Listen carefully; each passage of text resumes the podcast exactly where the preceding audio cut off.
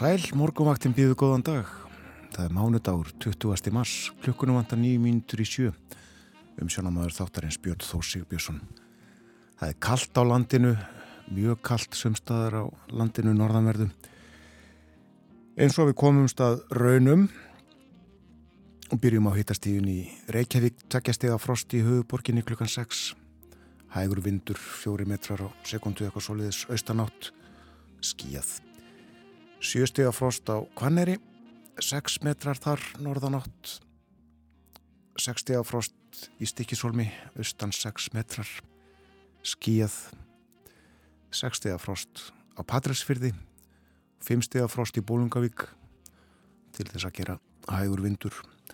Á þessum stöðum 8 stega frost á Holmavík, 2 metrar þar, suðvestan, 14 stega frost á Blönduósi.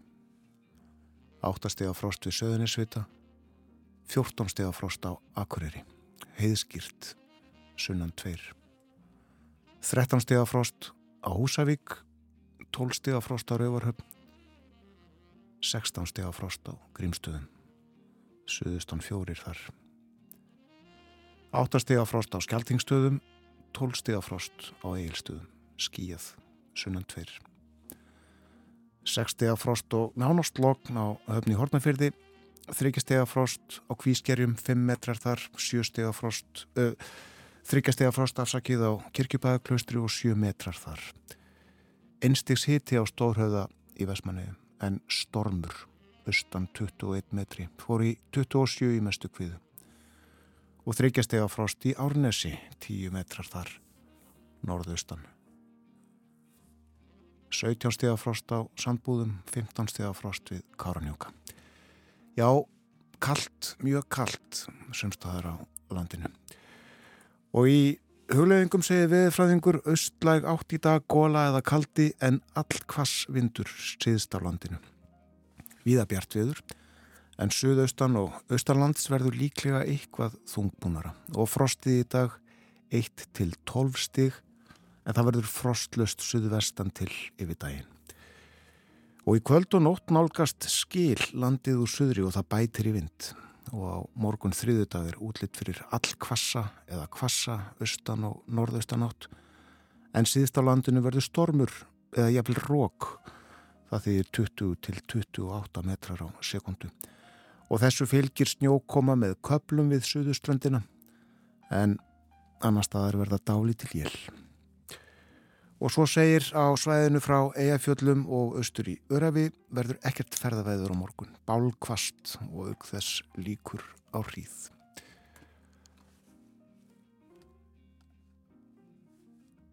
Það er hálka víða á vegum, hálkublettir á nokkrum leiðum á Vesturlandi.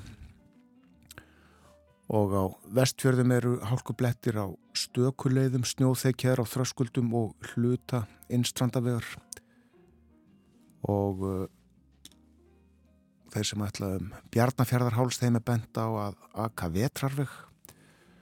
Nú hálka eða hálkublettir eru á flestum leiðum á Norðurlandi og snjóþekja á nokkrum útvegum og svipað á Norðausturlandi.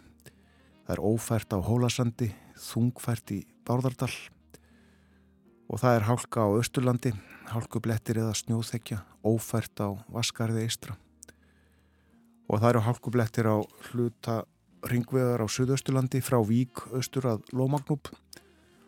Víðast snjóþekja á útvegum. Þetta eru skeitin frá viðagerðinni þennan morgunin Það er ímislegt á daskra hjá okkur í dag. Við ætlum að tala um samband Íslands og Póllands. Við fáum frettir af Evrópumálum frá Brussel og tölum um sund og sundlega menningu meira en þetta eftir. Og tónlistin hún kemur hérðan og þaðan og uh, hér er fyrsta lag þáttanins þennan morgunin Rikki Nelson syngur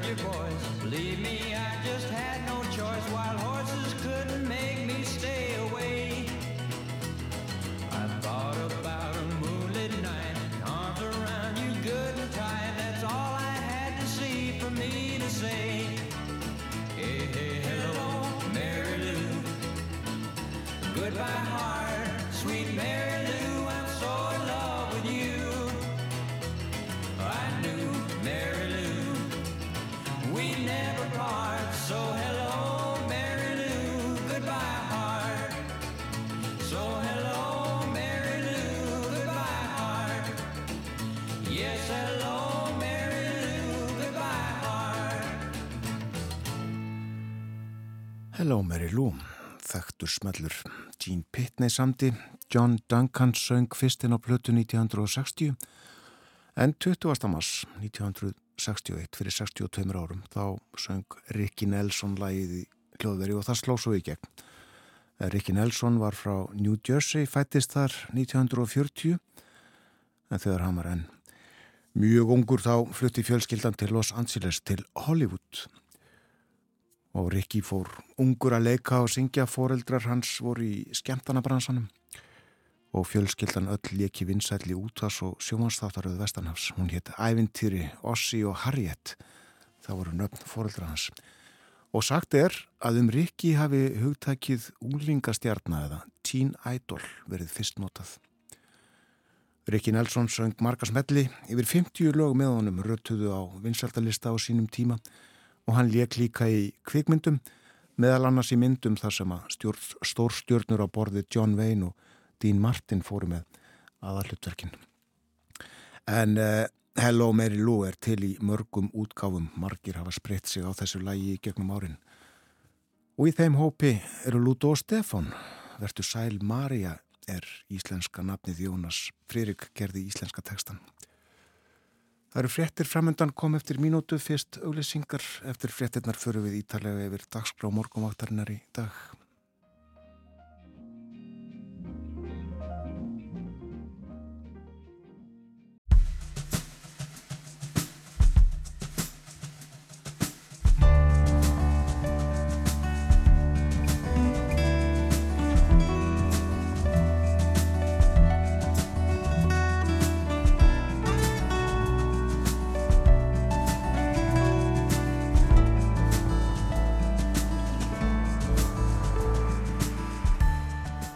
Morgonvaktin helsar og býðu góðan dag. Það er mánudagur 20. mars.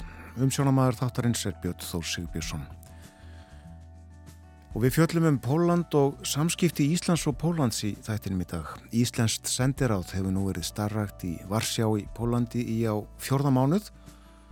Við sláum á þráðin til Hannesar Heimissonar sendiherra og spyrjum um verkefnin í sendiráðinu, um samband þjóðana og lífið í Pólandi. Björn Málmqvist, fréttamaður í Brussel, verður líka með okkur. Við tölum meðal annars um EFTA og ESA og EES samningin í spjalli eftir morgunfréttir. Já, það er mikið um skamstafanir í Brussel og Björn fer líka yfir það helsta sem er á döfin í Evrópusambandinu þessa vikuna. Og svo er það sund og menning. Stjórnvöld vinna nú að því að fá íslensku sundlega menningun á skrá UNESCO yfir óáþreifanlegan menningararf. Jón Karl Helgason, kvikmyndagerðamaður, þekkir laugamenninguna vel. Hann gerði um hana og sund almennt myndina sundlegasögur sem frumsýnd var í höst. Jón Karl kemur á morgumaktinni í dag og rappar um menninguna í lögunum þennan menningararf sem er vist einstakur. Það er kalt, mjög kalt fyrir norðan, 14 steg af frost til dæmis á Blöndu ásu og Akureyri fyrir klukkustund. En horfurnar eru svona östlega átt í dag 5 til 10 kvassar að siðist 13 til 18 metrar þar. Skýja með köplum suðaustan og austanlands annars viða bjartviðri og frosti í dag 1 til 12 stig en frostlöst suðvestan til yfir daginn en svo kvessir í kvöld og á morgun þá verður austan og norðaustan 13 til 20 metrar og enn kvassara allra siðst 20 til 28 metrar þar. Og snjó koma á köplum við suðuströndina á morgun annars dáli til jél en þurft að kalla á Vesturlandi. Og það dregur heldur úr frostinu á morgun þrýðudag þá eh, er gert ráð fyrir að frosti verði 1 til 8 stig. Og hiti breytist lítið á miðugudag á 50 og förstudag 0 til 10 stig og lögadag og sunnudag áfram kallt í veðri spáinn fyrir næstu daga og það er hálka víða á vegum, hálka á Vesturlandi og á Vestfjörðum og uh, það er ófært á Dinjandisheiði, snjóþekja á Steingrinsfjörðarheiði, Þröskuldum og hluta innstrandavegar. Snjóþekja á nokkrum útvegum á Norðurlandi en annars hálka þar, hálka líka á Norðausturlandi. Ófært á Hólasandi, þungfært í Bárdardal. Og það er ófært á Vaskarði Eistra og víða hálka, hálkublettir eða snjóþekja á vegum á Östurlandi og uh, það er víða snjóþekja á útvegum á Suðusturlandi og hálkublettir á hluta ringvegar frá Vík Östur að Lómagnópi Svona eru aðstæður í landinu. Við tökum frá morgumblæðið og uh, á forstíðu þess er flenni stór mynd af Ágústi Guðmundsinni kveikmyndarleikstjóra. Hann var heiðraður í gær þegar edduverlunin voru veitt hlaut heiðusverlun Íslensku sjómarfs og kveikmyndaakademíunar. Í raukstuðningi domnemdar saði að Ágúst hefði verið lekilmaður í þeirri sköpunar bilgu sem varði upphafi nýjunda áratögarins sem oftast er kvölluð íslenska kveikmynda vorið en hann leggstýrði nokkrum myndum á þeim tíma. Mm. og inn í morgunblæðinu er listi yfir hans helstu kvikmyndaverk Land og Sinir 1980 árið setna 81 útlægin. 82 með allt á hreinu. 1984 Gullsandur. Svo kom Ásti Kjörbúð Nonni og Manni sjónvarsþáttaserían Sea Dragon 1990 Litbriði jarðarinnar Dansinn mávarhlátur í taktu tíman og ófegur gengur aftur. Og uh, það má finna hér uh, viðtal við Ágúst eða brotur uh, þakkar áarpið hans frá því á háttíðin í gerðkvöldi og fyrirsögnin er þetta semst á rúpunduris ef við viljum halda áfram að tala íslensku þá verðum við að halda áfram að framleiða menningarefni á íslensku Þetta saði Ágúst Guðmiðsson. Nú fleira á fórsíðu morgunbladsins. Það er hafið skipulegt samtal milli fulltrúa samtaka atvinnureikenda og launafólks um aðgerðir gegn verðbolgu. Hún mælist nú um 10%. Nýja kjærasamninga þarf að gera að ári og fyrir þann tíma er mikilvægt að tekist hafið að ná verðbolgunni vel niður En til slíks þarf breyða samstöðu þetta segir Ejólur Árni Rapsson, hann er formaður samtaka atvinnlýfsins. Og Ejólur telur mikla einföldun að varpa allri sök á verðhækkunum á vestlununa í landinu en það sé hlutur hennar í verðmyndun vöru á markaði aðeins um 15 af heldinni. Rætt við hann ítalega í morgumblæðinu í dag. Það er líka sagt frá Rúslands heimsókns í Kínafósetta hér á fósíðu morgunbladsins og fjallaðum bankavandræðin í heiminum en selabankar bandrækjana Breitlands, Kanada, Japans, Sviss og Evrópussambandsins tilkynntu í gerðkvöldi að þeir ætluði að standa saman að aðgerðum til þess að bæta aðgang banka að lausa fyrir og er þessum aðgerðum ætlaði að róa taugar fjárfesta varðandi bankakerfi heimsins gangiðin bara vel, segjum við. Nú, Í dag eru vorjapdægur og þau verða í kvöld, löst fyrir hálf tíu, 21, 24, 24, svo við gerumst mjög nákvæm. Og það eru sem sagt japdægur og hér á norðurkvelinu eru vorjapdægur en það eru haustjapdægur á suðukvelinu. Japdægur er þegar sólin er beint fyrir ofan miðbug. Með námyndun eru dagur og nótt jafnlaung á voru jafndægurum og ég held að okkur sé alveg óhætt að segja það þótt raunin sé vist önnur. Í grein á vísindavefnum skrifar Sævar Helgi Bragarsson stjórnufræðikennari á voru jafndægurum eru dagur og nótt ekki alveg jafnlaung Við njótum örlítið meiri dagspyrtu en myrkus, mörgum sennilega til mikillar ánægu. Og áfram segi Sævar, í almanaukum er sólinn skilgreynd sem punktur þótt hún sé skífa.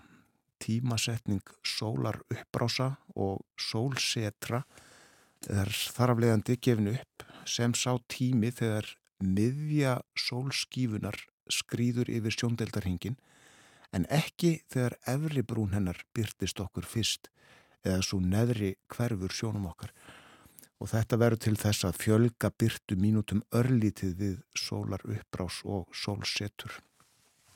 Lofthjúpur jarðar verkar auk þess eins og linsa sem liftir sólinni upp um halva gráðu eða eitt sólar þvermál á himnin. Og fyrir vikið flýtir ljósbrot lofthjúpsins sólar uppbrásinni um fáinar mínútur og senkar sólsetrinu sömulegðis. Þess vegna er sólinn í raun sest skömmu áður en við sjáum hann að hverfa undir sjóndeldarhingin. Og af þessum tveimur ástæðum eru dagur og nótt, sem sagt ekki nákvæmlega jafnlung á jafndagurum.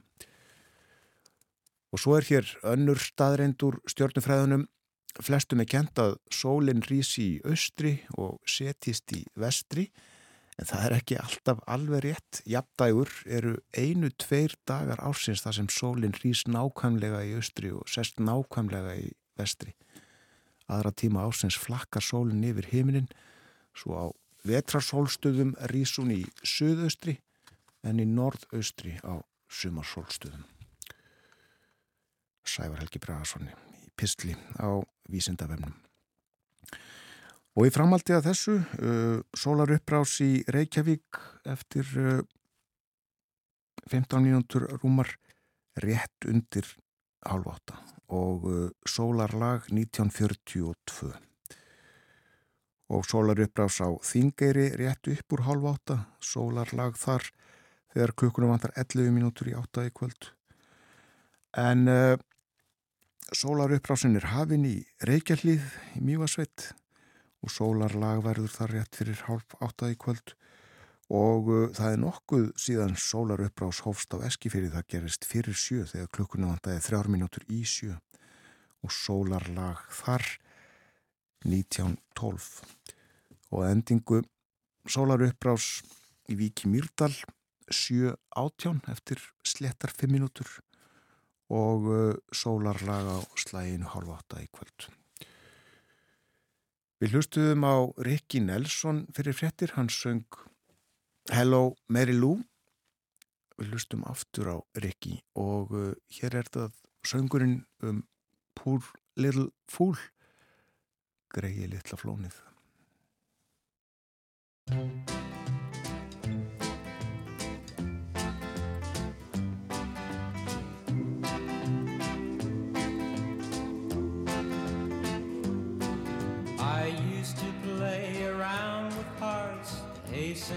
My car.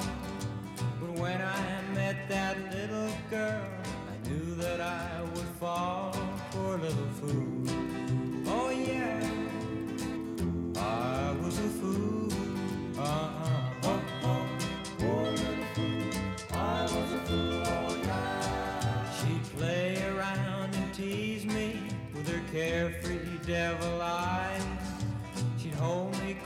And kiss me, but her heart was full of lies, poor little fool. Oh yeah, I was a fool. Uh-huh. Poor little fool. I was a fool, yeah. She told me how she cared for me and that we'd never part. And so for the very first time, I gave away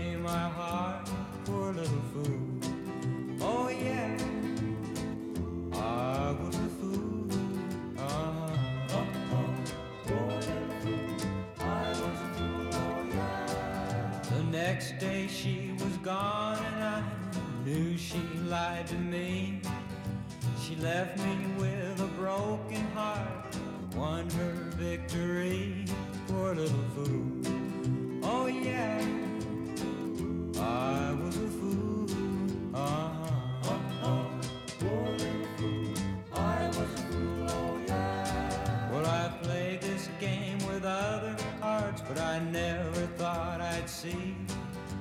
The day when someone else would play love's foolish game with me. Poor little fool. Oh yeah, I was a fool.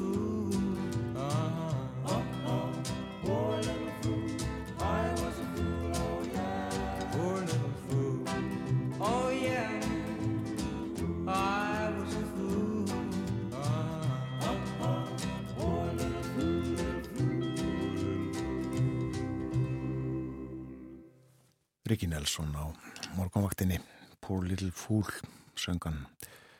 Við fjöllum um sundlögamenningu okkar Íslandíka og eftir Jón Karl Helgason, kvikmyndagerðamaður, segir okkur frá henni Tilefnið er að stjórnvöld vilja fá hana á skrá hjá UNESCO.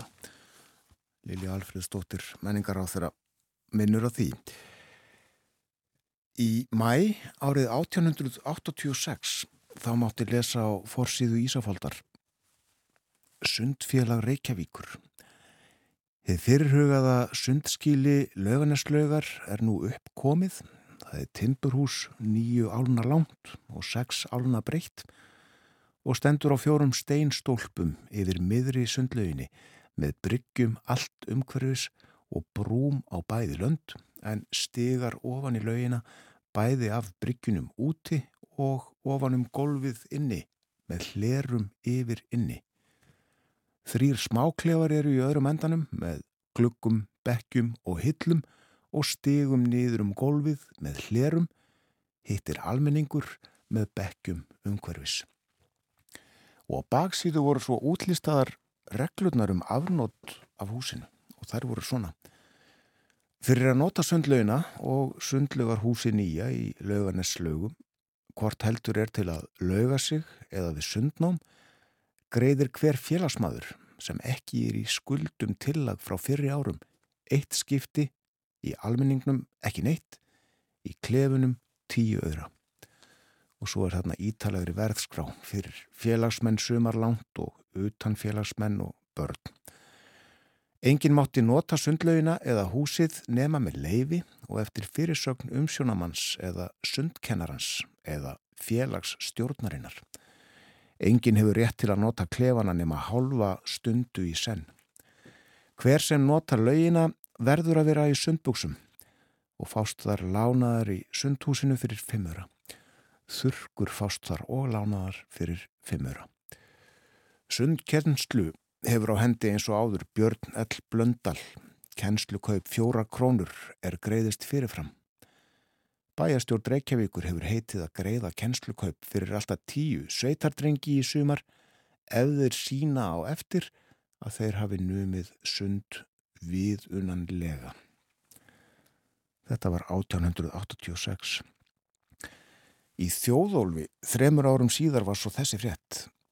Baðhús það sem sundfélag Reykjavíkur létt byggja fyrir nokkrum árum yfir sundlauginni en nú dotti niður laugina Allt brotið, gluggum og borðum úr gólfinu hefur verið stólið og stíplugarðurinn er brotin, svo nú er hvergi mögulegt að baða sig í lögunum. Þetta sýnir tvent. Eitt, dugnað og framtagsemi sundfélagsins eða stjórnarinnar og tvö, virðingu reykvikinga fyrir eignaréttinum og nýtsamlegum fyrirtækjum. Þannig fórsansatum baðhúsið við lögina í löganessinu. Já, meira um sund á eftir en hlustu nú á lag, lagið Night Swimming með hljómsettinni REM eins og við kollum hana, Nætursund Ég heyr andur ekki hugmynd um hvort lagið fjallar um sund eða nætusund, það má vel vera að þetta sé myndlíking en uh, lagið er ágætt að það er lágstemt og melodist.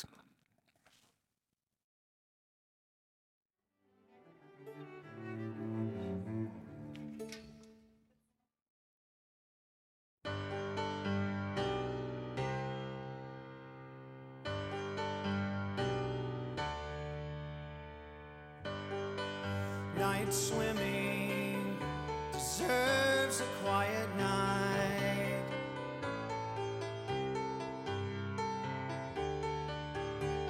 The photograph on the dashboard, taken years ago, turned around backwards so the windshield shows every street light reveals a picture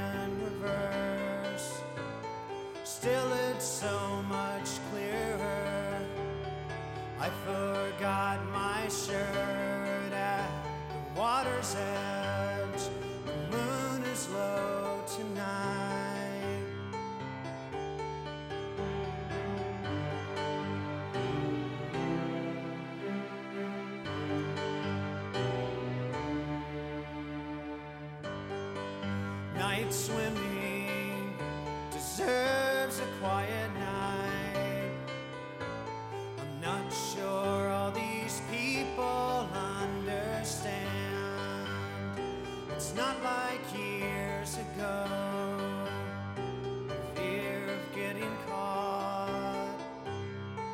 Recklessness in water.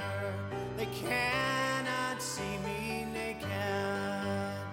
These things they go away, replaced by everyday night swimming. Remembering that night, September's coming soon. I'm pining for. And what if there were two side by side in orbit around the fairest sun? That bright tide forever drum could not describe night swimming. You, I thought I knew you. You, I cannot judge. Thought you knew me. This one laughing quietly underneath my breath. Night swimming.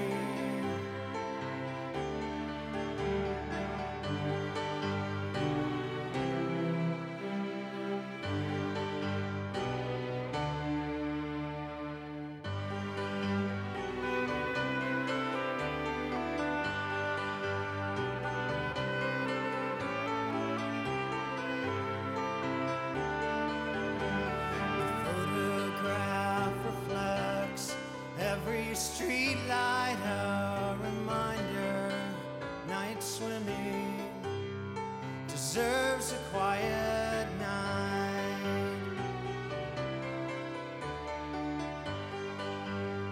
Deserves a quiet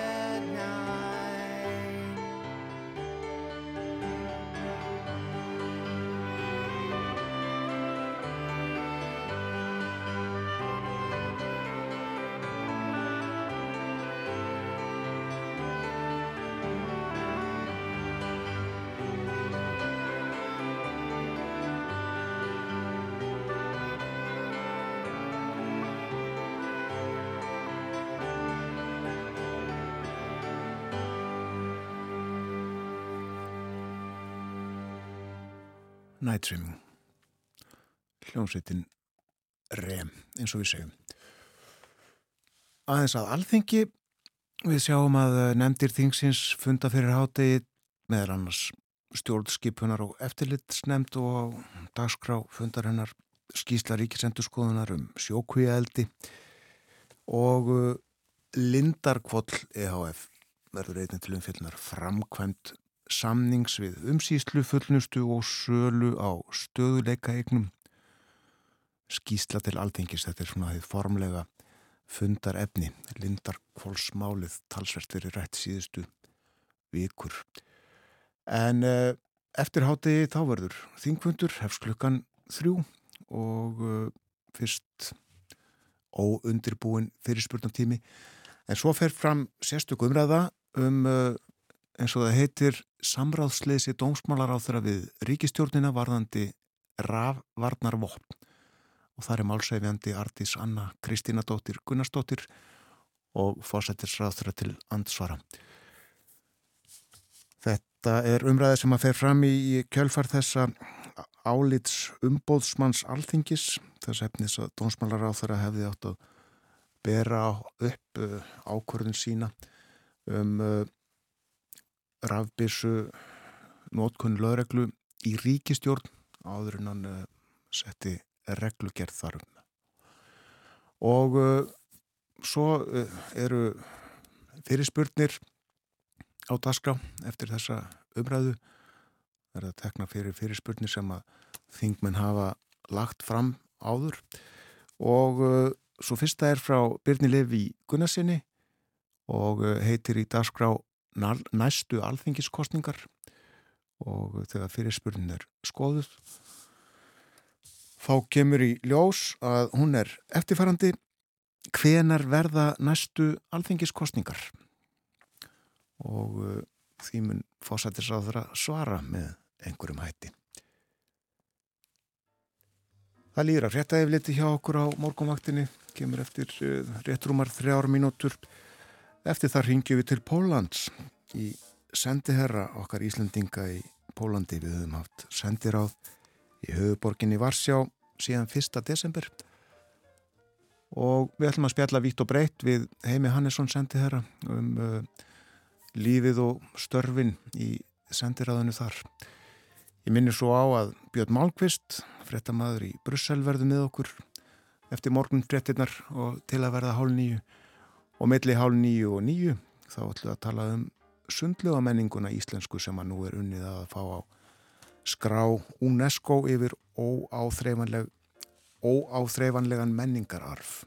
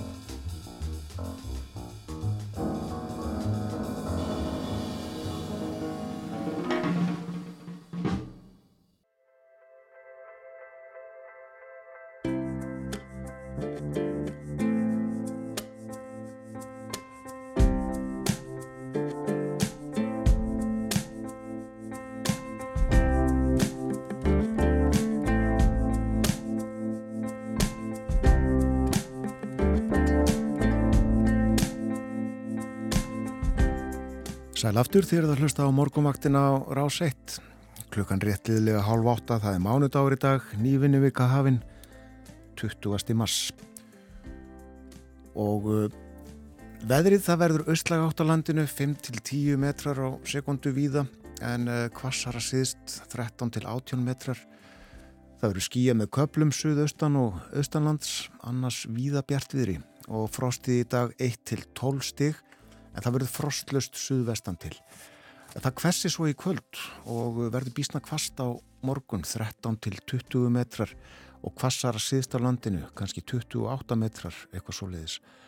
Og uh, það mun líka snjóa á morgun, snjó koma með köplum við suðuströndina, annars stáli til jél, þurft að kalla á vesturlandi.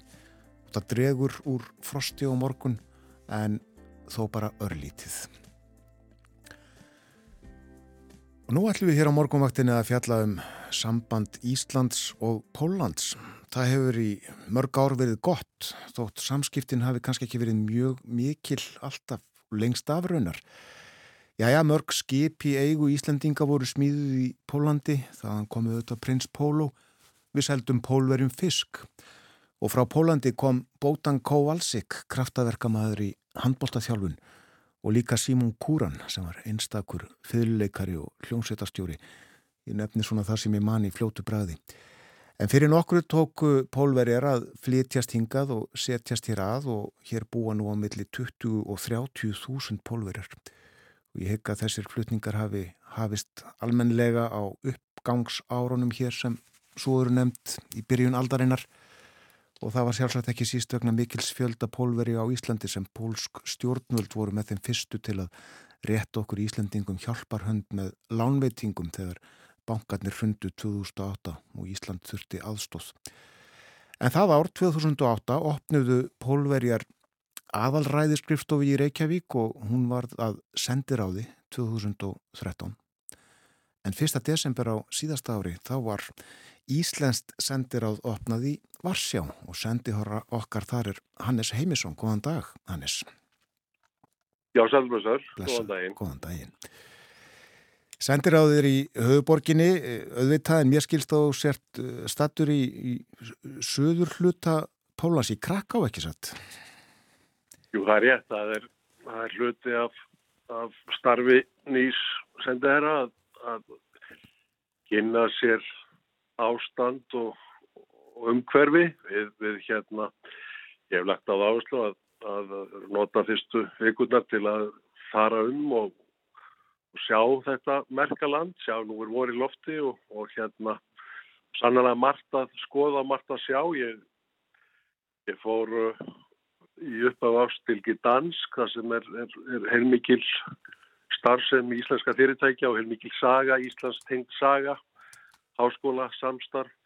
Nú er ég hér í, í hinum hluta, í söðu hlutanum í, í hérna Kraká og, og Póland nýtur þess núna að hafa ansi góða og, og fullkomnar lestartengingar, það er, það er svo kallu pendolínu lestarkerfi sem er, er svona er verið að byggja upp hægt og rólega hér í Pólandi og það auðveldar allar samgöngur. Þarf að fara hér landslut á milli á, á örfáðum klukkutíma, það tók okkur í gær tvo tíma og 45 minútur að fara frá Varsjá hérna til Krakow og við erum, við erum rétt fyrir norðan landamæri í Slovakíu, við erum tvo og halva tíma frá landamæri Úkrænu Já.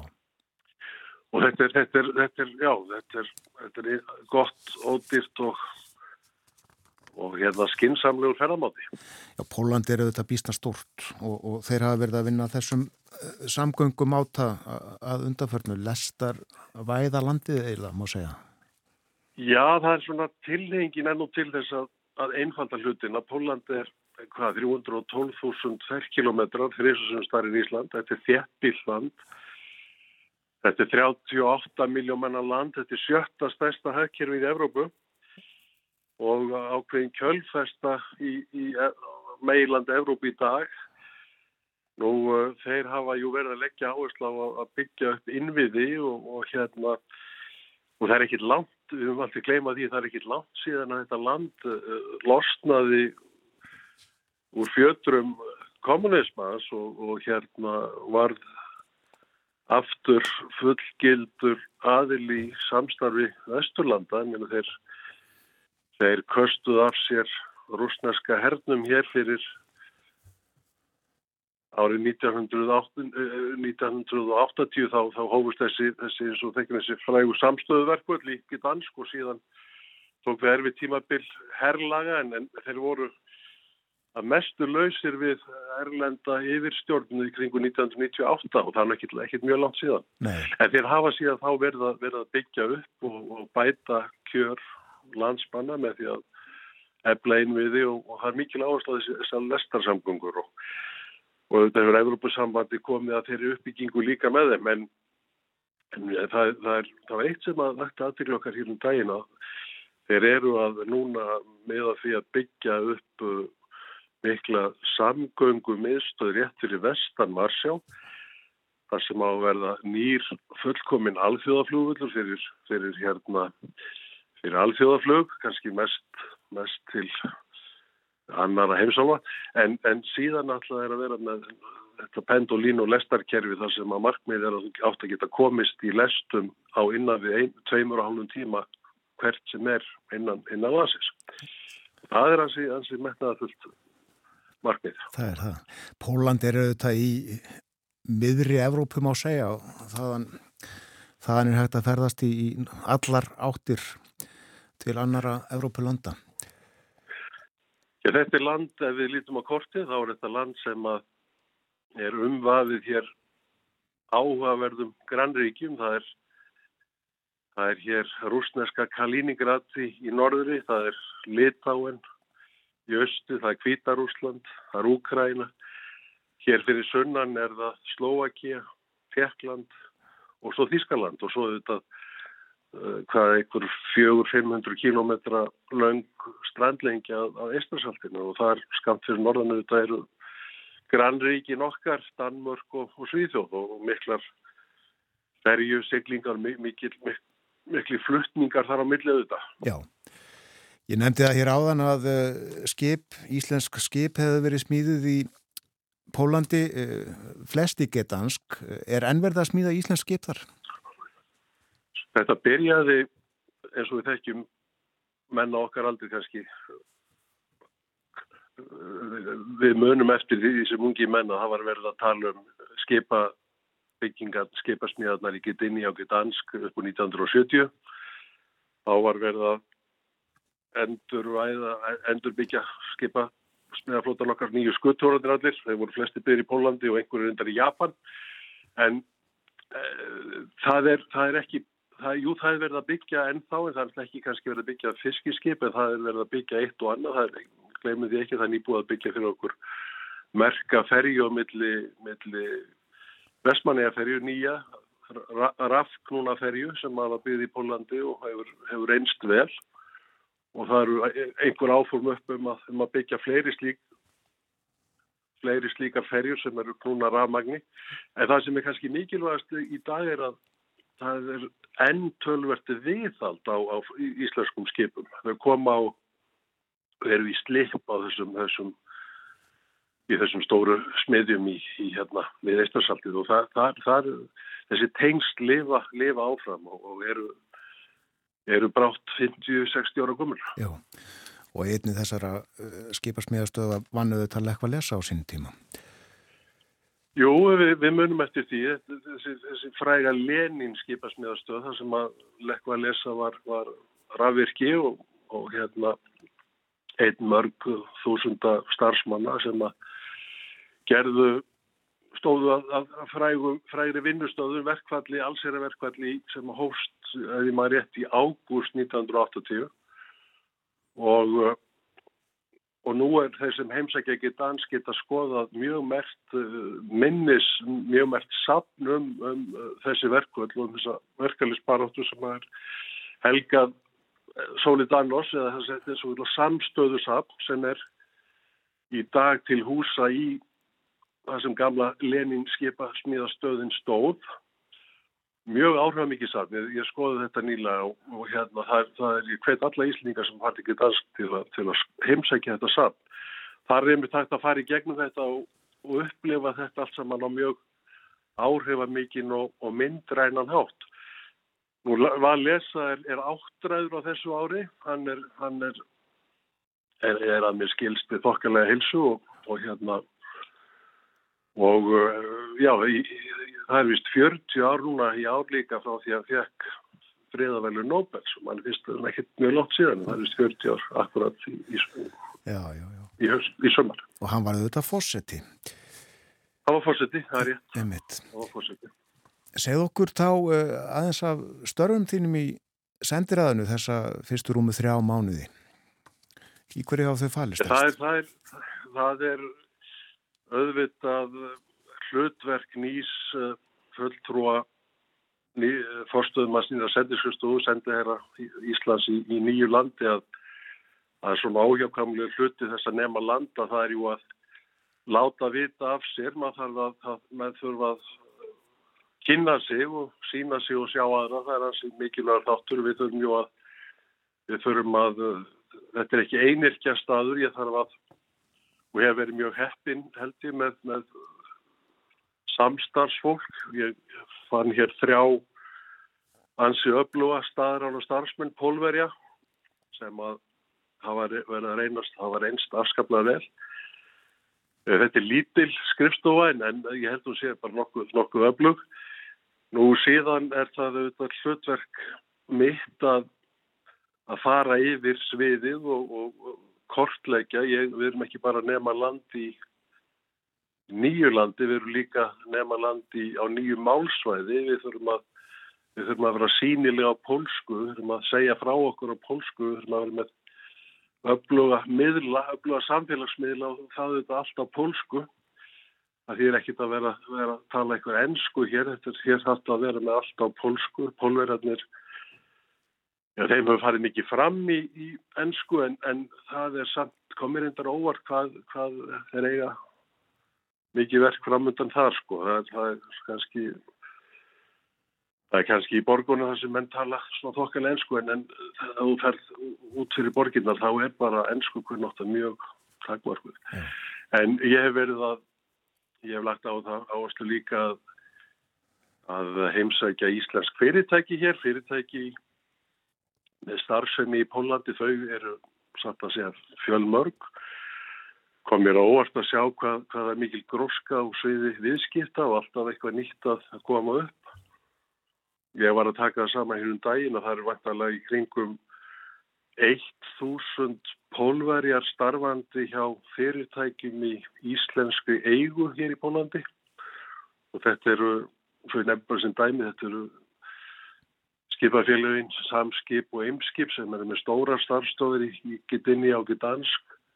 Þetta eru stóru sjávarðsfyrirtækin sem eru með starfsemi hérna, samherjar þar stærstur. Það er fyrirtæki hér sem heitir Royal Iceland sem er að vinna úr sjávarfangi með, með hérna áherslu á ráðumni fyrir sushi, matarkerf og annað slíkt. Þau eru rétt hjá Gdansk með eitthvað 30-40 starfsmenni í vinnu. Síðan er það auðvitað Marel og Össur sem eru með umfangsmikla starfsmenni. Ég heimsótti starfstöð Marel núna á fyrstæði var, 17. mars. Það er hlutnuð 40 ára amali sínu, starfsamali á, á, heimsvísu en Marel búið að vera hér með starfsemi í Pólandi frá 2007. Hér eru þeir með hérna, hér eru 160 pólverjar í vinnu hjá þessu íslenska fyrirtæki á tveimur stöðum eh, í, í Varsjá í, í Vúts sem er að ég, að ég held örgulega þriðja stærsta borgin hérna. Nú síðan eru, eru við með er, er heilmikið af, af aðilum sem er að vinna fyrir hérna verkfræði fyrirtæki, ebla er með starfstöð, til dæmis hér í Kraká, ebla er með 10-12 menn í vinnu hér í Kraká við að, við að vinna margvíslega verkefni aðalega orku, orku tengdum, orku innviða tengdum. Nú uh, síðan megum ekki gleyma ferðarþjónustunni, það er, við erum að sjá Það er meiri gróska þar, það eru, það eru fleiri pólverða sem eru að ferða heimsækja Ísland ekki bara í svona vinnutengdum verkefnum, heldur líka bara sem ferðarmenn og við erum að sjá hansi góða og, og jákvæða umfyllunum Ísland sem áfangastæði í pólsku miðlum og það er ánægilegt að minna á að íslenska flugfélagi Play er að, er að byrja áallunaflug til Varsjá núna 3. apríl, fyrsta flugið er 3. apríl og ég vona svo sannarlega að það gangi vel hjá þeim við munum að mista að gera okkar besta til að hjálpa til að vekja á því aðtikli. Og síðan er ekki, er ekki við, síðast en ekki síst að þá verðum að minna á, á þessa á grósku í, í háskóla samstarfi, bæði háskóla í Gdansk, Varsjá og, hér í Krakó þar sem að við erum að sjá alls konar tengingar og sviði kennslu í íslensku og íslensku fræðum og þetta er, þetta er bara, veg, þetta bara vex. Já. Og hlutverk, hlutverk sendi ráðsins er auðvitað er að, er að svona hlúa að og, og aðstóða og veita fyrirgreðslu og koma fólki saman og, og við höfum hérna fokkalega fundaraðstöði varsja, við erum að við erum að hérna halda, halda upplýsingafundi og nótu það til að miðla upplýsingum og líka til að til að koma til að tengja menn saman. Það er kannski svona grunn hlutverk sendinásis.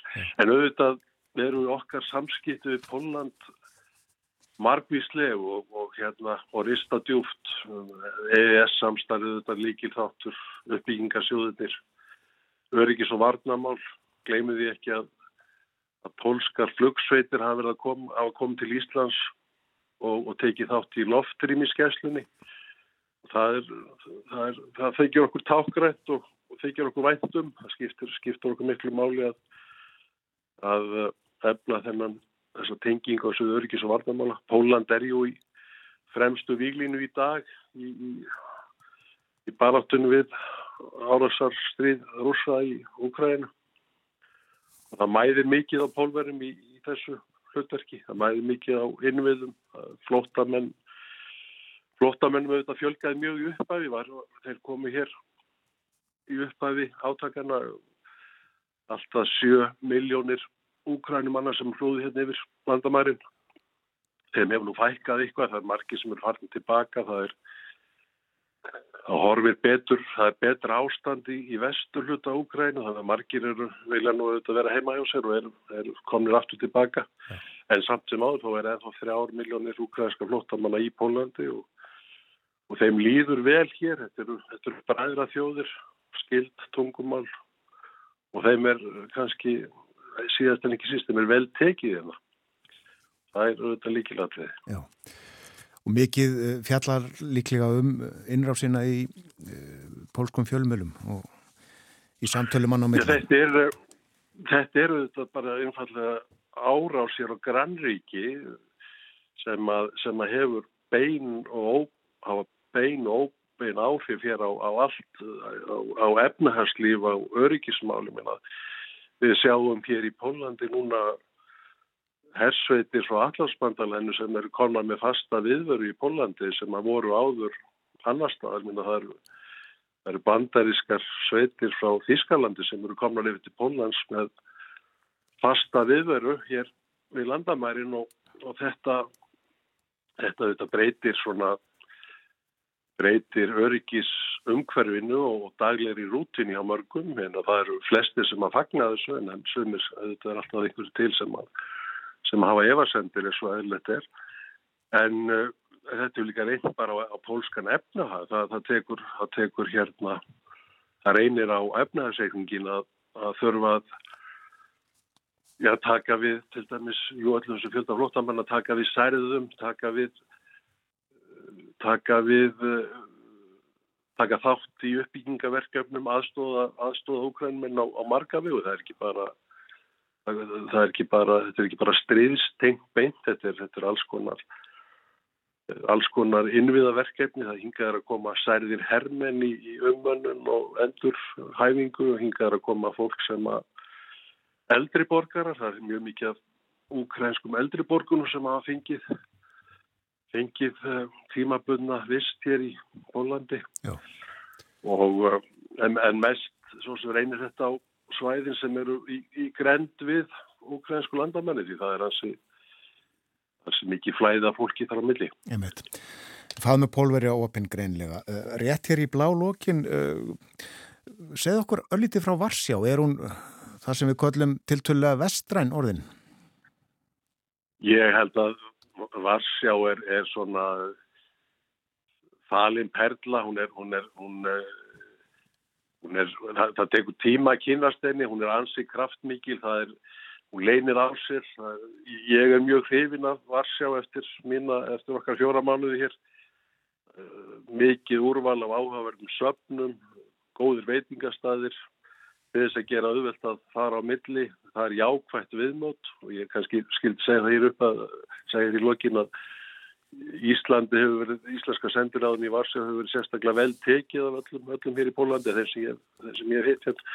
Varsjá er spennandi og, og ég held að hún sé að mörgluti vannmetin, ég held að, ég held að Íslandingar ég hveti Íslandingar til að heimsækja heimsækja Varsjá, það er margir auðvitað sem þekkja til Dansk og, og Kraká en, en Varsjá er einhver liti vannmetin ég, ég veit til þess að mikið, margir ungir íslendingar, mennskjælingar, krakkar í framhaldsskólum hafa verið að fljúa hinga til Kraká til að kynna sér, til að heimsækja þessar útrýmingabúðir Ásvits og Birkená og, og það hefur verið hluti af, af þeirra kennslu í, í sögu og sögu í, í hérna framhaldsskólum.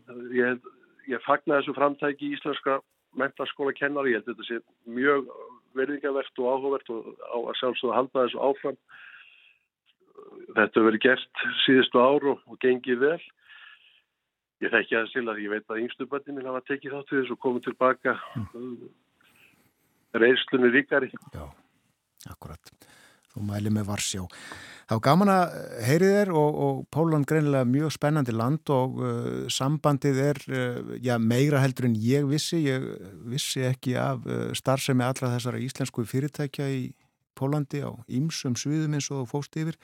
Þakkaði kellaði fyrir spjallið og njóttu dagsins og gangi þér og ykkur vel í störum ykkar í sendiræðinu íslenska í Pólandi.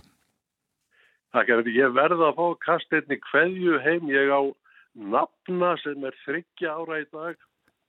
Eyjólfur Hannes Holmarsson, hann er núna, hann er ekki reglubundin, hann hlustar ekki reglur á sett, hann er svolítið að hafa sér til fyrir leikskólan og er að fá sér hafragöld getur ég tóa, en ég byrði vel að helsa honum og slakka til að sjá hann í, í vor.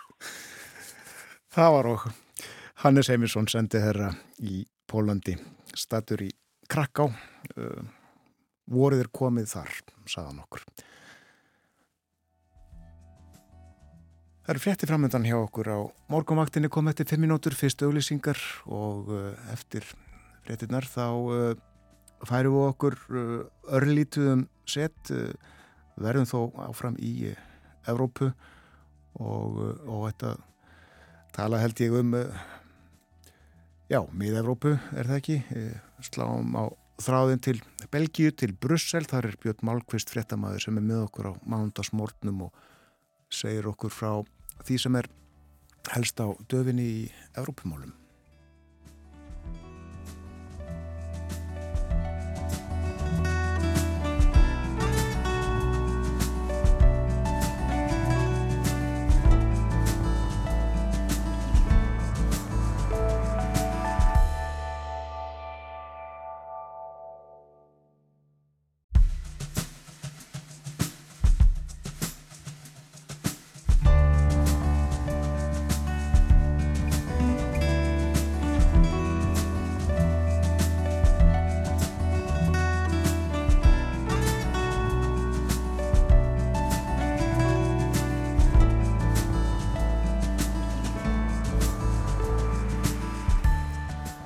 Sæl aftur þér það hlusta á morgunvaktina á ráseitt klukkan farin að ganga nýju. Það er mánudagur í dag komin 20. mars. Minni á að við ætlum að fjalla um íslensku sundlega menninguna hér á eftir. Það er unnið að því að fá hann að skráða og skrá UNESCO yfir óáþreifanlegan menningararf. Það er vona á Jóni Karli Helgarsinni, kvimdagerðamanni þáttin verður með okkur hér upp úr hálun nýju. Hann gerði heimildamind um uh, sundlega lífið í landinu, sundlega sögur. En uh, nú ætlum við að fjalla um uh, Evrópumál, ímislegt sem er á segði álfunni. Við erum komin í samband við Björn Malmqvist, fréttamann í Brussel, heil og sæl, góðan dag. Góðan daginn. Já, það er ímislegt á uh, döfinni, margir fundir, alls konar uh, fundir, við förum yfir þetta alls saman, en við ætlum að byrja á frönsku innaríkismáli að þessu sinni. Já, það er náttúrulega búið að vera mikið um að vera í, í franskri pólitíku undanfarnar daga og undanfarnar vikur og já, mánuði jafnvel. Þannig að, uh, þetta náttúrulega, allt saman hefur þetta svolítið snúist um þessar, þessar, hérna, þessi, þessi áform franska stjórnálda aðalega Macróns fósita um að breyta eftirlaunakerfinu í, um, í Fraklandi þar að segja að senka því þegar fólk fyrir á eftirlaun. Þetta hefur verið gríðarlega umdelt, gengur svolítið gegn því sem að ná, frakkar standa einhvern veginn eða svona þeim finnst þeir standa fyrir og, svona, og, það, sem að, og það sem að hjarta þeirra liggur uh, uh, og þótt að það sé svo sem vitað að, að það þurfi að gera breytingar og, og það, það hálpartinn stefni í þrótt eftirlunarkerfið En, en eftir semst að, að stjórnin uh, barði í gegn í síðustu viku þessar breytingar með því að beita uh, sérstöku ákvæði í stjórnarskráni sem að, sem að þýtti að þurfti ekki að greiða atkvæði um þetta á þinginu að því að þeir svona voru nokkur neginn vissir um það að fá ekki næg atkvæði fyrir því. Þá brást stjórnaranstæðan við og, og lagði fram semst, að minnstakosti tvær tilugur um vantraust á stjórn Macróns og þær tilugur verða tekna fyrir á þinginu í París í, í dag og ef að þær eru samþyktar þá þarf stjórnin að segja af sér Já. þó ekki Macrón sjálfur. Nei. Það þarf 287 atkvæði til þess að tilugurna verið samþyktar en það er talið svona frekar ólíklegt að flokkar sem eru vinstra og hæra megin við flokk Macróns saminist um, um, um vantraust. Til dæmis hafa republikanar fengið þau tilmæli að greiða ekki atkvæði með tilugunni. Ég held að séu um 27 þingmenn þeirra, um, um það byrjum 10 ætlað að að samþykja, þannig að það verður að teljast frekar ólíklegt að hann fari í gegn.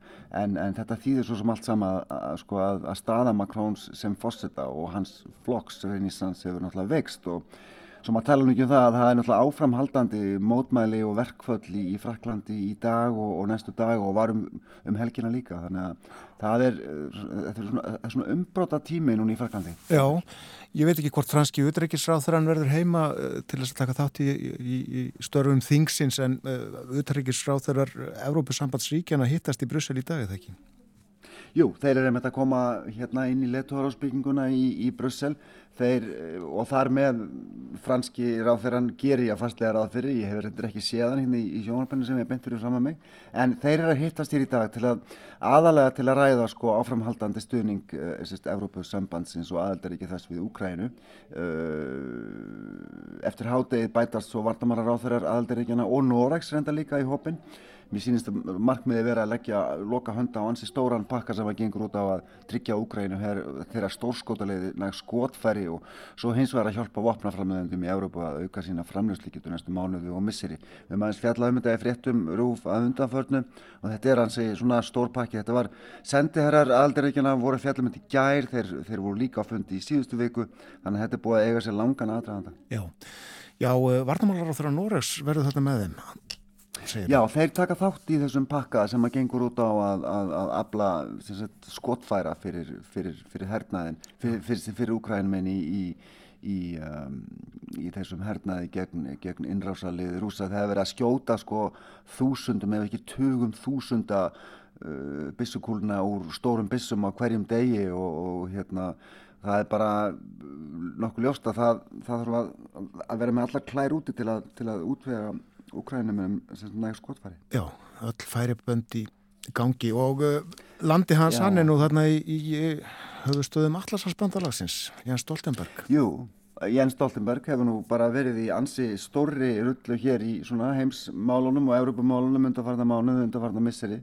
Hann náttúrulega átti að vera hættur en, en var svona hálpartinn beðið um að halda áfram og ég man ekki nákvæmlega hvernig hann hættir. Ég held að sé Nei, nú þóru ég ekki að segja það, en hérna, hann er allavega svona hans dagar, ja, það er svona sér fyrir endan á hans embættistíð sem, sem framkvæmtastjóra NATO.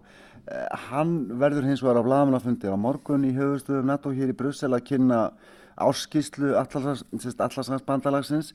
Uh, hann talar vantanlega mest um Úkrænu og svona hvernig aðaldaríkin NATO hafa bröðist við innrás rúsa þar og komið að stuðningi við Úkrænu.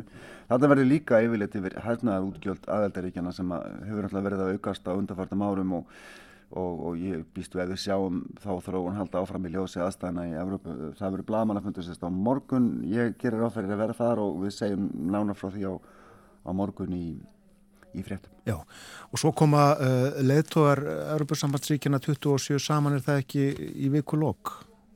Jú, þeir koma hingað á 50 dag og förstu dag, hér er allt, hér, hér fjölgar fólki með hverjum deginum, það er búið að setja upp sko nokkur hundruð borð fyrir bladamenn hérna í stóru opnu rými í, í, í andri þessar byggingar sem ég er stættu núna, það er að segja bygging leðtóða ráðsins.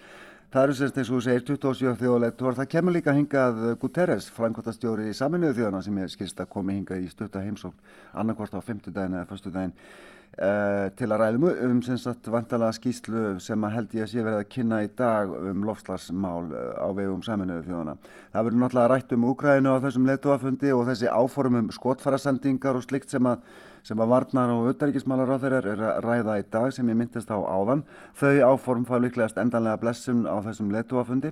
Það verður líka rætt um samkeppnismál og samskiptin við bandaríkin eftir þess að heimsókn der Leyen í Kvítahúsið fyrir þessi mánuði sem við rættum með mitt aðeins í síðustu viku. Akkurat.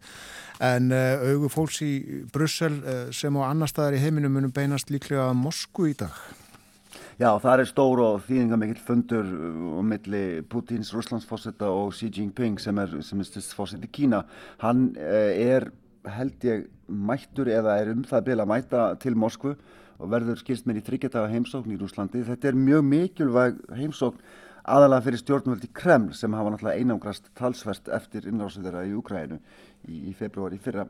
Kínverjar hafa svona svolítið setið á bríkinni síðan þá þeir var látið hjáleiki að fordæma einrásina en, en hafa sínt rúsum svona tákranan stuðning allavega. Það eru áhöldum hvort þeir hafi veitt þeim annars konar stuðning.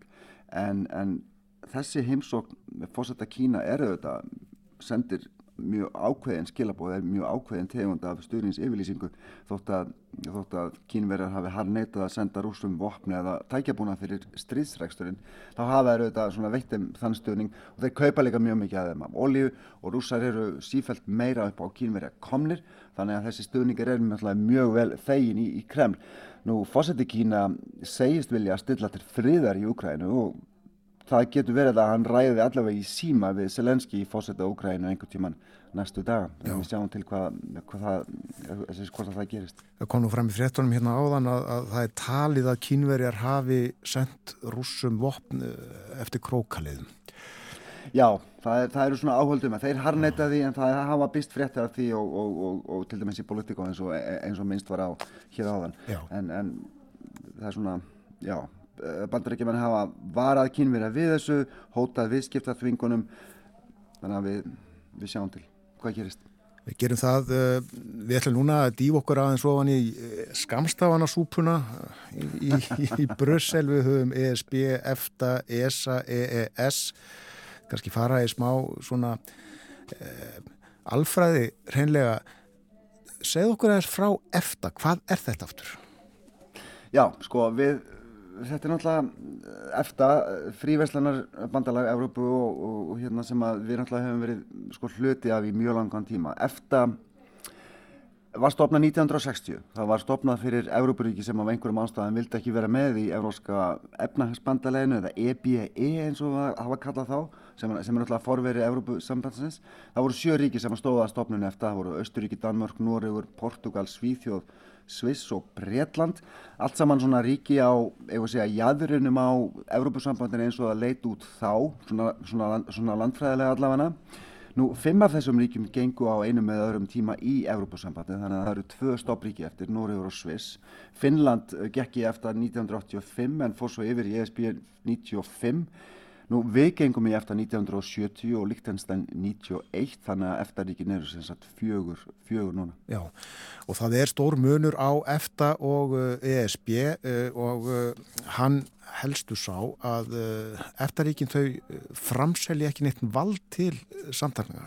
Er það ekki, er ekki að, að lýsa því þannig? Jú, jú, það má einlega, það er svona stóri, kannski stóri munurinn á EFTA og ESB að að eftir er ekki minna stopnarnir á borðið sko, til dæmis framkvæmdastjórnini hjá ESB eða Evrópaþingið eða, eða slíkt. Þannig að það er ekkert vald framselt uh, til, til eftir frá, frá, frá aðeldaríkjunum og það er engin samþætting hvað var þar innri, innri málefni, það er engin svona sameileg landbúnaðar og sjávortastefna eins og til dæmis hjá ESB eftir leggur ekki til neina lagasetningu það, þú veist það er ekki tollabandalagi eins og í Európa-sambandinu og náttúrulega kannski stóri mönurinn líka er að ríkin fjögur uh, Ísland, fyrir ekki, jú Ísland hérna Líktenstein, Núriður og, og Sviss þau geta gert sína eigin frívæslanarsamninga þóttu hafi vissulega saminast undir hattu eftir til að gera slíka samninga sem er eitthvað um 30 talsins en, en semst, EFTA hefur alltaf gengið út á að afnema tóllamúra að koma á fríverslun milli aðaldaríkjana og öll önnur ríki í heiminum ef við vilja og, og gera slíka samninga við önnur ríki eða, eða ríkja samband. Já,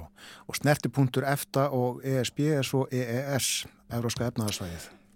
Já, það er sagt, þessi samningur sem við erum hluti af og, og, og Líktenstein og Nóriður en, en, en ekki Sviss. Ekki Sviss, sko, nei. Nei, þannig að sko forsaðan að þessu er einlega svo að, að, að þegar Danmörk og Breitland yfirgáfu eftir 1972 þá var sami tvíhliða við hinríkinni eftir um fríverslun þar að segja við hvert og eitt sem sagt svona tvíhliða samlingar og síðan var það sent á nýjönda áratug síðustaldar sem framkom þessi hugmyndum að semja um viðtakara samstarf og viðskipti.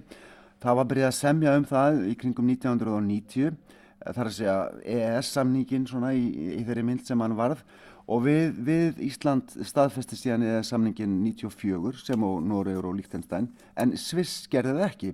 Fólk þar hafnaði þessum samningi í þjóðaratkvæðagreyslu sko í þjóðaratkvæðagreyslu eins og þeir gera nú gjarnan uh, þeir greiða sem sagt, gjarnan þjóðaratkvæðagreyslu um, um, um, um ímis mál. Og þannig að Sviss hefur allatíð verið með sinn eigin tvíhliða samning við ESB sem að EFTA hefur ekkert með að gera Hins vegar þá snýst starfsemi EFTA núna að stórum hluta um þennan EES-samning og málefni innri markaðar eins og eins og hann heitir, það er þessi sameilegi markaður 30 ríkja, það er segja okkar, Noregs, Liechtensteins og svo 27 ríkja í ESB sem að verum auðvitað hluti af og uh, snýst um að fjalla um, um, um reglur og tilskipanir sem að koma frá ESB og við síðan innleitar á Íslandi í Noregi og Liechtenstein. og þá komum við einmitt að ESA enn einn skamstöfunin sem er eftirlitstofnin EFTA. Og hún fylgist með því að uh, já, við og, og aðrar uh, eftir þjóðurnar innleiði þessar reglur allar. Já, við náttúrulega samkvæmt samningunum frá 94 þá erum við sk- skuldbundin til að taka upp þessar reglur og þessar tilskipanir. Og markmiði með, sko markmiði með þeim eru þetta að það ríki sama regluverk og ástand á þessum innri markaði sem við töluðum um áðan ESA, þar að segja eftirlitstofnunin hún fylgist með því að þessum reglum sé framfyllt og hún er kannski líka vettvangur fyrir almenning og fyrirtæki í Noregi, Líktenstein og Íslandi sem að telja að á sér sé brotið þar að segja að það sé ekki verið að fara eftir þeim reglum, þeim, þeim leikreglum sem að gilda á innrimarkanum. Þannig að ESA, eftirlitstofnunin, hún sérst lítur á sig sem eins konar vendara samningsins um Evróska efnaðarsvæðisins. Sá samningur er auðvitað stærsti og kannski áhrifamesti samningur sem að Ísland hefur nokkuð tíma gert. Hefur náttúrulega gríðaleg áhrif á, á, á, á viðskipti, á alls konar laga á umhverfi, á, samstarf okkar, á vettfangi menta, vísinda, rannsókna og alls konar. Og þannig að við kannski tölum betur um þann samning síðar, Björn. Akkurat. Frjálsu förina og það allt saman. Akkurat. Þakkaði kellaði fyrir í dag, Björn Málkvist, við uh, fáum eins og þú saðir uh, fréttir hérna og þaðan úr álfunni frá þér næstu daga uh, mikið um að vera. Aftur þakkaði fyrir spjallið í dag. Takk fyrir þetta. Björn Málkvist í Brussel með okkur á morgunvaktinni á mándagsmorgun.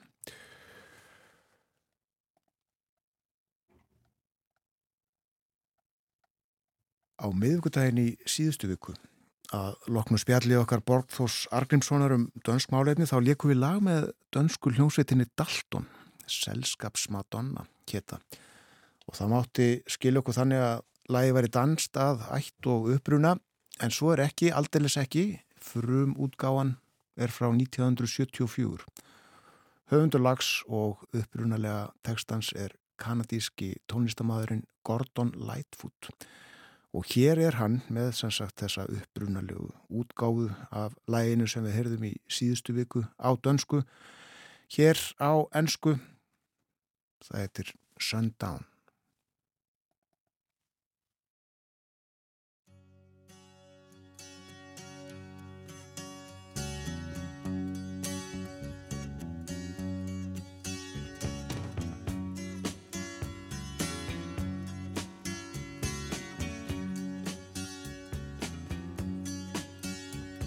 can see her lying back in her satin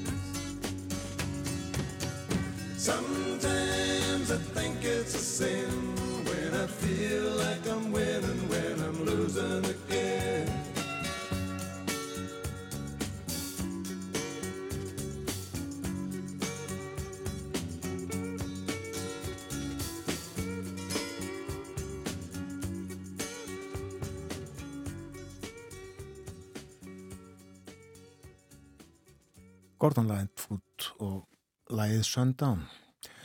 Hér stuttlega að veðurhorfum dagsins fyrir fólk sem er að fara út í daginn og veit ekki almennilega hvernig það á að klæða sig. Það verður austlega átt 5-10 metrar kvassara síðist, 13 til 18 þar. Skýja með köplum suðaustan og austanlands, annars víða bjartviðri. Frost 1 til 12 stig en frostlust suðvestan til yfir daginn. Og það bætir í vindi kvöld hversir þá og á morgun austan og norðaustan 13 til 20 metrar, kvassara siðst kannski 28 metrar, eitthvað svo liðis. Og snjókoma með köplum við suðuströndina, þetta er á morgun þegar týði það, annars dáli til jél, þurft að kalla á Vesturlandi og það dregur aðeins úr frostinu á morgun. Hér eftir fréttaðefliti sem að kemur eftir tæpar 5 minútur ætlum við að fjalla um sundlega menninguna þessar sér íslensku menningu sem að unnið er að, að koma á skrá UNESCO yfir menningar erfðir mannkins. Jón Karl Helgason, kveikmyndagerðamaður verður með okkur.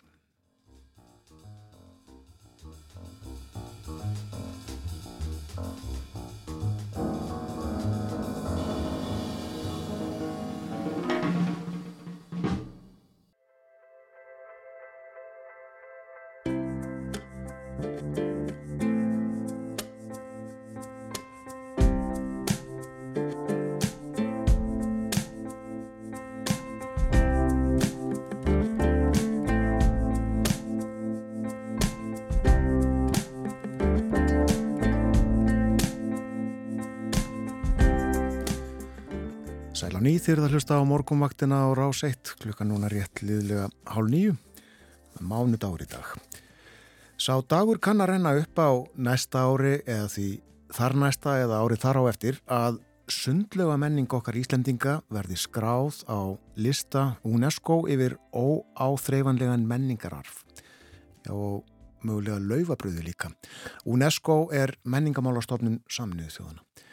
Og á þessum lista eða skrá eru tilteknar hefðir og síðir, eitthvað sem hefur verið gert í samfélögum, kannski í aldir, gengið kynnslóð til kynnslóðar, frá kynnslóð til kynnslóðar, stundum skipulagt og formlegt eins og lögabröðu, við höfum uppskriftir af því, stundum ekki eins og í tilviki sundlega menningarinnar sem að segja má að, já, hún bara er. Margir fara reglulega í sund, margir daglega, jafnvel eld snemma og get ekki hugsa sér að byrja daginn öðruvísi. Það er áhugavert að þessi hverstags aðtöfn sé menning, einstök menning jafnvel, sem að uh, verði að skrá og, og varveita svona eins og hægtir. Jón Karl Helgason, kvikmyndagerðamaður, þekkir sundlega menninguna vel, uh, kannski manna best. Hann gerði kvikmynd um sund og sundmenningu, sundlega sögur sem að frumsýnd var síðasta haust og sínd í sjónvarpinu á nýjástag. Velkomin í þáttinni, Jón Karl. Takk fyrir kjærlega. Er þetta að koma á löginni? Nei, nei, reyndar ekki. Það er, það, er, það er ástæð fyrir því sem ég er ekki nefna í þessum þætti. En hvað er sundlega menning fyrir þér? Ég, sko, mér finnst það að vera, vera byggjast á hefðum. Sko. Við byrjuðum að reysa sundlegunar okkar fyrir sko 100 árum. Það er ekki nema, það er elstu eru rúmlega 100 ára gamla. Og þá, þá sko, byrjuðum við að kenna krökkum að synda og við vitum alveg akvaru. Það var engin sundkensla fyrir og menn voru að drukna. Og þá var oft haldinn sundagur þar sem að út á landi sérstaklega þar sem að krakkarnir uh, gistu í sundleginni og, og svo var að haldin útiháttíð og fólk, kom hvaðan af og, og, og reisti tjöld og, horfðu svo á krakkarna daginn eftir hérna, taka sundprófið sko, uh, ég, ég sem sagt þá daga þá voru laugarnar nýttar meira minna í þessar, þessar hefðir að kenna krökkum að synda í dag er, erum við sko að stunda líka sund og sundleikumi í flestum laugum landsins, ég held þess bara öllum sundlaugum landsins, sundleikumi, fjölbreytti jókatímar, afslöpun, skemmtun og samliti og svo má ekki gleyma þessu félagslega, eh, gleyma félagslega þættin. Fólk kynnist í sundi og er duglegt að mæta og hitta vini sína. Og þá uh, erum við komin líka ofan í pottana.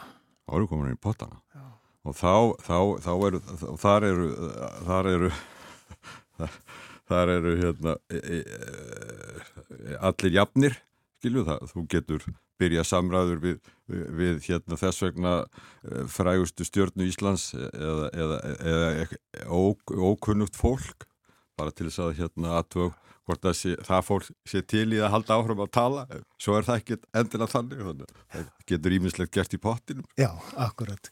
Þetta er uh, býstna merkilegt samfélag er það ekki sem að hefur myndast í sundlegum uh, ringin í kringu landi.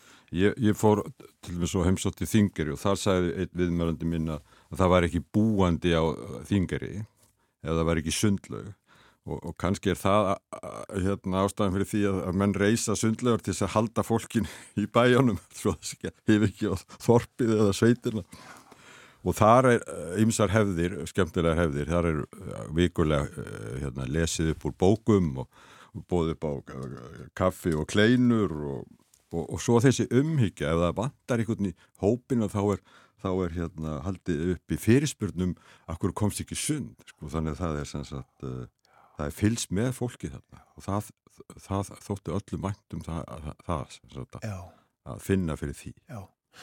Og uh, þá kannski ringt sko þegar búið er að fara í styrtuna eða farið og bankað upp á er Já. allir lægi. Já, Já, já. Er uh, menningin ólíka eftir bæjum og, og laugum? já það eins og bara þarna þingari og, og svo uh, í Vesturbælaug er hópur sem heitir Vini Dóra sem var stopnað 1982 mjög, se- skemmtilegur hópur og til að byrja með voru þetta karlar svo hægt og rólega komu konurnar hérna inn og, og, og þar er stundaður möll, stundaður möllersæfingar á bakkanum kallarnir e, fara í, í, hérna að vikta sig og hverjum fimmtudegi frá hérna 80 og e, þegar hópurinn er stopnaður þannig að maður geta fylgst með og séð á línuriti hvernig þyngdin hefur breyst Já.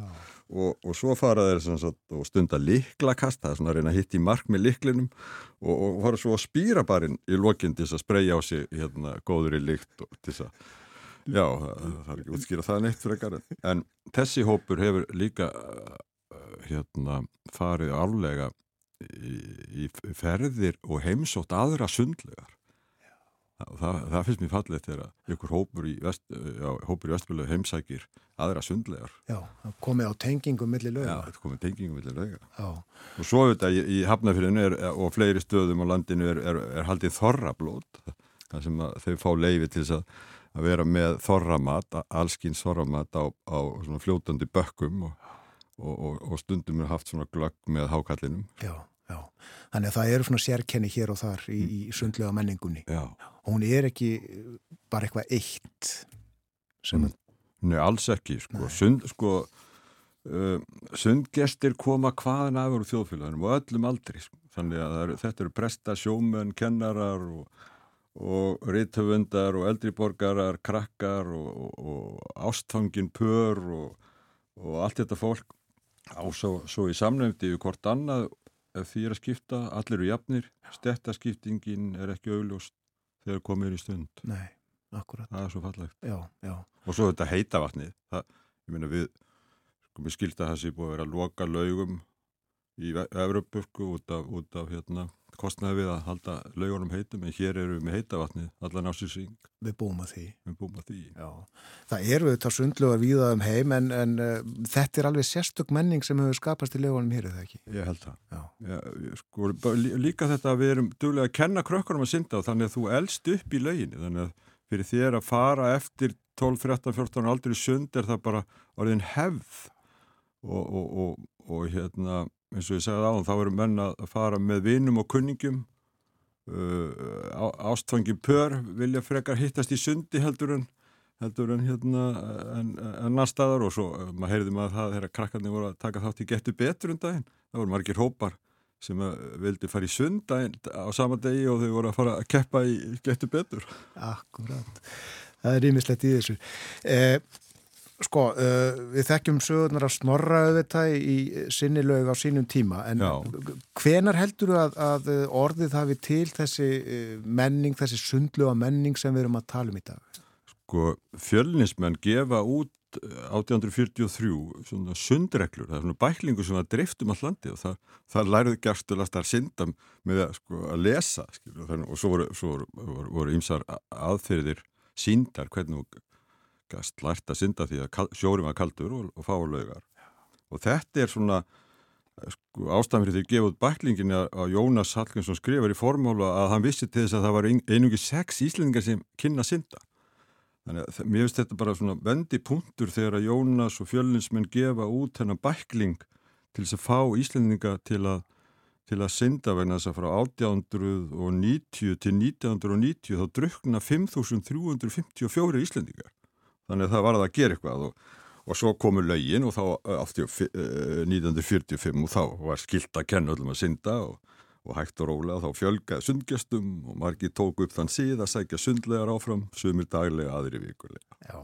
Þannig að eh, mér finnst þessu fallega, og ég hef séð hana bækling hérna frá, frá er mjög skemmtileg bækling og ég sviðsetti í fyrirmyndinu minni, þá sviðsetti ég þessar aðferði sem þeir voru að lýsa og benda á, sundgjörðin og hengigjörðin og ég veit ekki hvað og hvað, í þeirri mynd til þess að, eh, bara, til þess að hérna, að sína hversu, hversu klókir þeir voru að, kenna fólki að synda það, það var það sem enga svindlega voru Já, á landi. Heldur að sé í dag hægt að uh, læra að synda af þessum leiðbenningum? Já, þeir til dæmis á Húsavík, þeir hérna, uh, ger, hérna stundaði þetta ennþá ó- óbeint, þeir sko, þegar það er vond veður, þá kenna þeir yngstu krökkunum með því að leggja þau bara á skólaborðin og þar, þannig geta eftir sundtökin, bara uh, hérna, uh, bringusund og, og önnur sund, ef það veður eru slæm og ekki aðstæði í laugina að vera með 6-7 ára krakka í lauginu, þá bara setja þau á skólaborðin og, og í leikumsalum bara aða borðum upp og kenna þau að synda.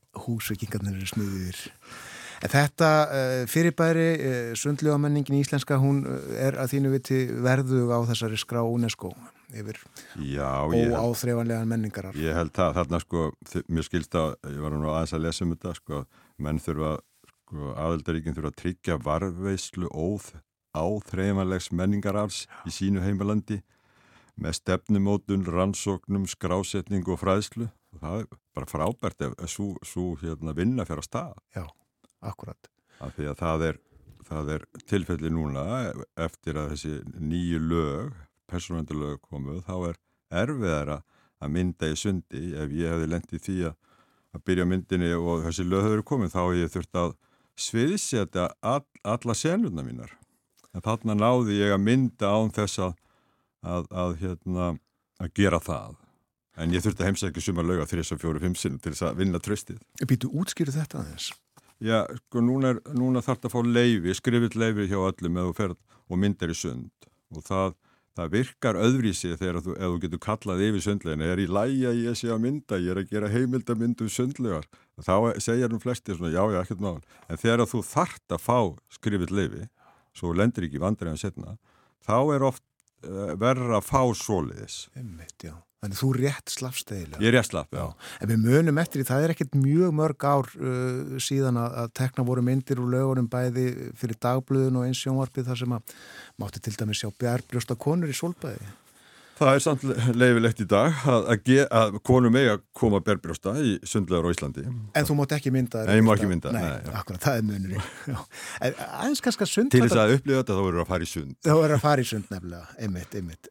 Sundfata tíska, hún er til.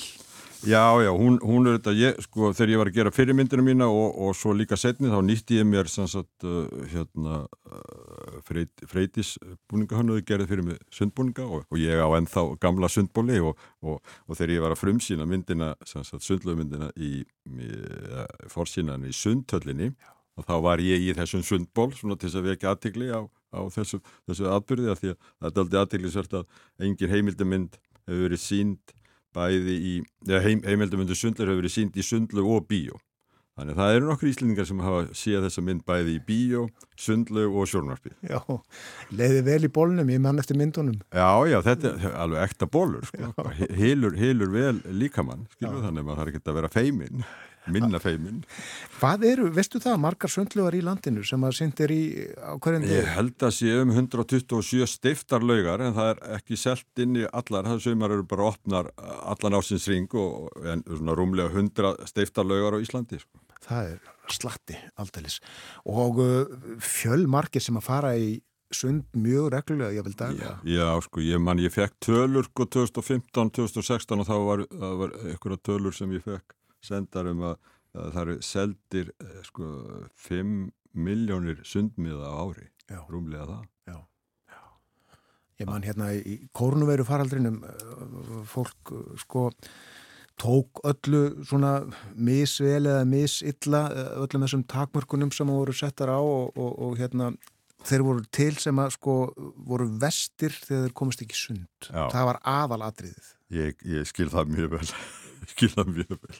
bara heyrðu hvernig á ég að fara inn í daginn sko. Sko, maðurinn er, skils með 95, 98% vani og, og þegar COVID kom upp þá, var, þá vorum himsar venjur, sko, þá var reyðlus margar venjurnar. Akkurat.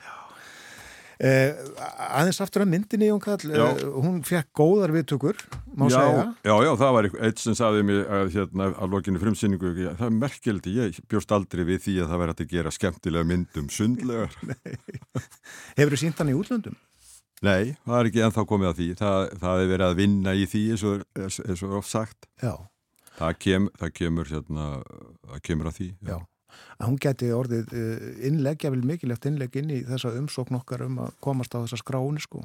Já, sko, allavega þá má, þá, má nýta hana til þess að horfa á hana og spyrja og ringi mig og senda me mail og svona, það, það er ekkert, ég, ég, er, ég er ekki alvitur á sundlega menningu á Íslandi en ég, ég, þetta, ég var í þessu, þessari, þessu ferli í tíu ár. Já. Hvers vegna byrjaðir að velta þessu fyrir þér? Hva, manstu það? Hvaða var til þess að... Já, sko, fyrirmyndin, sem sagt, þetta, var, þetta er eiginlega part 2, sko, fyrirmyndin svona sund, sundið sem fjallaði um, um, um, um hérna, tilrunni hérna, Íslendinga, þryggja Íslendinga til þess að, að komast yfir ermasundið en svo, og, svo blandaði inn í fróðuleiku um sundkenslu til, til alveg frá að því að þegar vikingarnir komu þá kunnuður allir að synda. Svo dó kunnáttan út af því að foreldrinir hættu að kenna þeim að synda, það var bara ekki dörrið sig og þetta sjórin kaldur og, og lítið um heitt vatn og svona.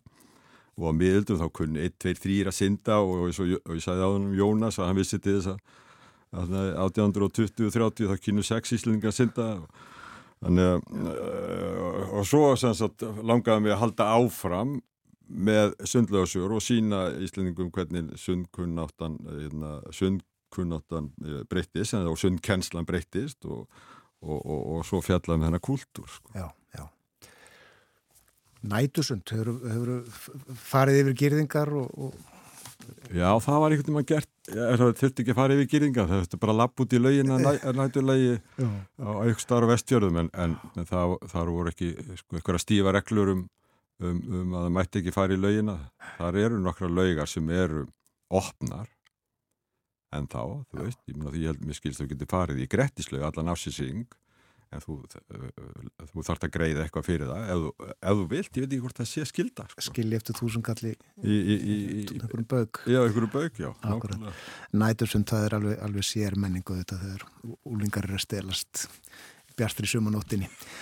Það var gaman að fá því þáttinn, spjalla um uh, sundið og sundlega menninguna og eins og við sögðum þá uh, eru núna, uh, já, fólk, fjöldi fólks komin heim eða í, í vinnu eftir að hafa farið í laugina og enn eiga líka margir, mjög margir eftir að fara í sund. Þetta er, þetta er í daglegri rútínu fjölmargra Íslendinga. Jón Karl Helgarsson, takk fyrir komin á morgumaktina. Takk kærlega fyrir mig. Hér fyrir morgun þá uh, töluðum við um samband Íslendinga og Pólverja. Í símanum hjá okkur var sendiherra Íslands í Varsjá. Íslands sendir að opna þetta fyrsta desember. Hannes Heimisson sagði okkur frá því sem að uh, hann er að gera í vinnunni. Hann var stattur í Krakow, hann fer um uh, landið, heimsækjur uh, borginnar í landinu. Ég nefndi í yngangi að hinga hefði á sínum tíma komið handbóltaþjálfarinn Bótan Kovalsik sem var mikill kraftaverka maður í handbóltaþjálfun náði einstökum árangri fyrst með vikinga og svo íslenska landsliðið. Og uh, ég nefndi líka Símon Kúran fyrirleikari sem að uh, hér starfaði, spilaði á fyrirlu og stjórnaði hljónsveitum við skulum hlusta á Símon Kúran spila á fyrirluna, hér er hann með uh, Kúran Sving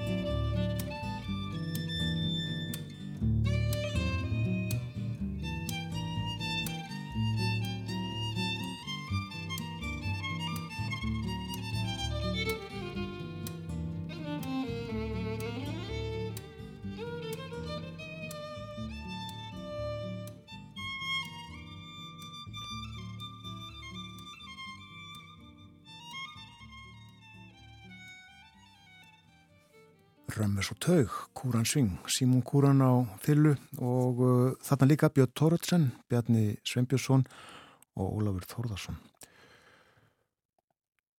Þeir uh, spiluðu alls konar tónlist. Uh, hlustum á annar lag með Kúran Sving og uh, þetta þekkja flestir.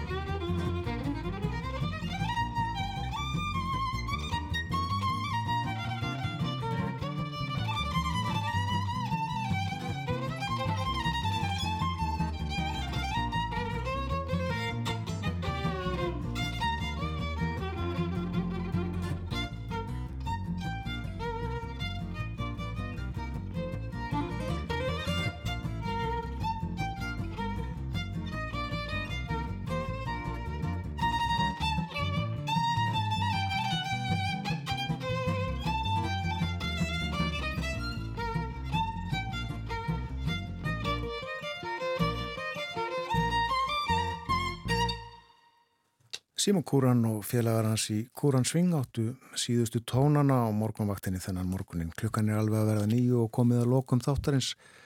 Við fjöldluðum um ímislegt, eh, sundlega menninguna hér áðan. Eh, Björn Málkvist var með okkur talaði frá Brussels að okkur frettir úr Evrópu. Og fyrir morgun Hannes Heimisson sendi þeirra Íslands í Varsjá. Hann saði okkur af lífinu og tilverinni í Pólandi. En Íslands sendir á þau verið starrakt í Varsjá síðan 1. desember síðastliðin í rúma þrjá mánuði. Lengri verður þátturinn ekki. Hann verður hins vegar á sínu staði. Fyrramáli við bjóðum góðan dag þegar klukkunum vantar tíu myndur í sjö. Þökkum samfélgina í dag. Njóti dagsins, verðið sæl.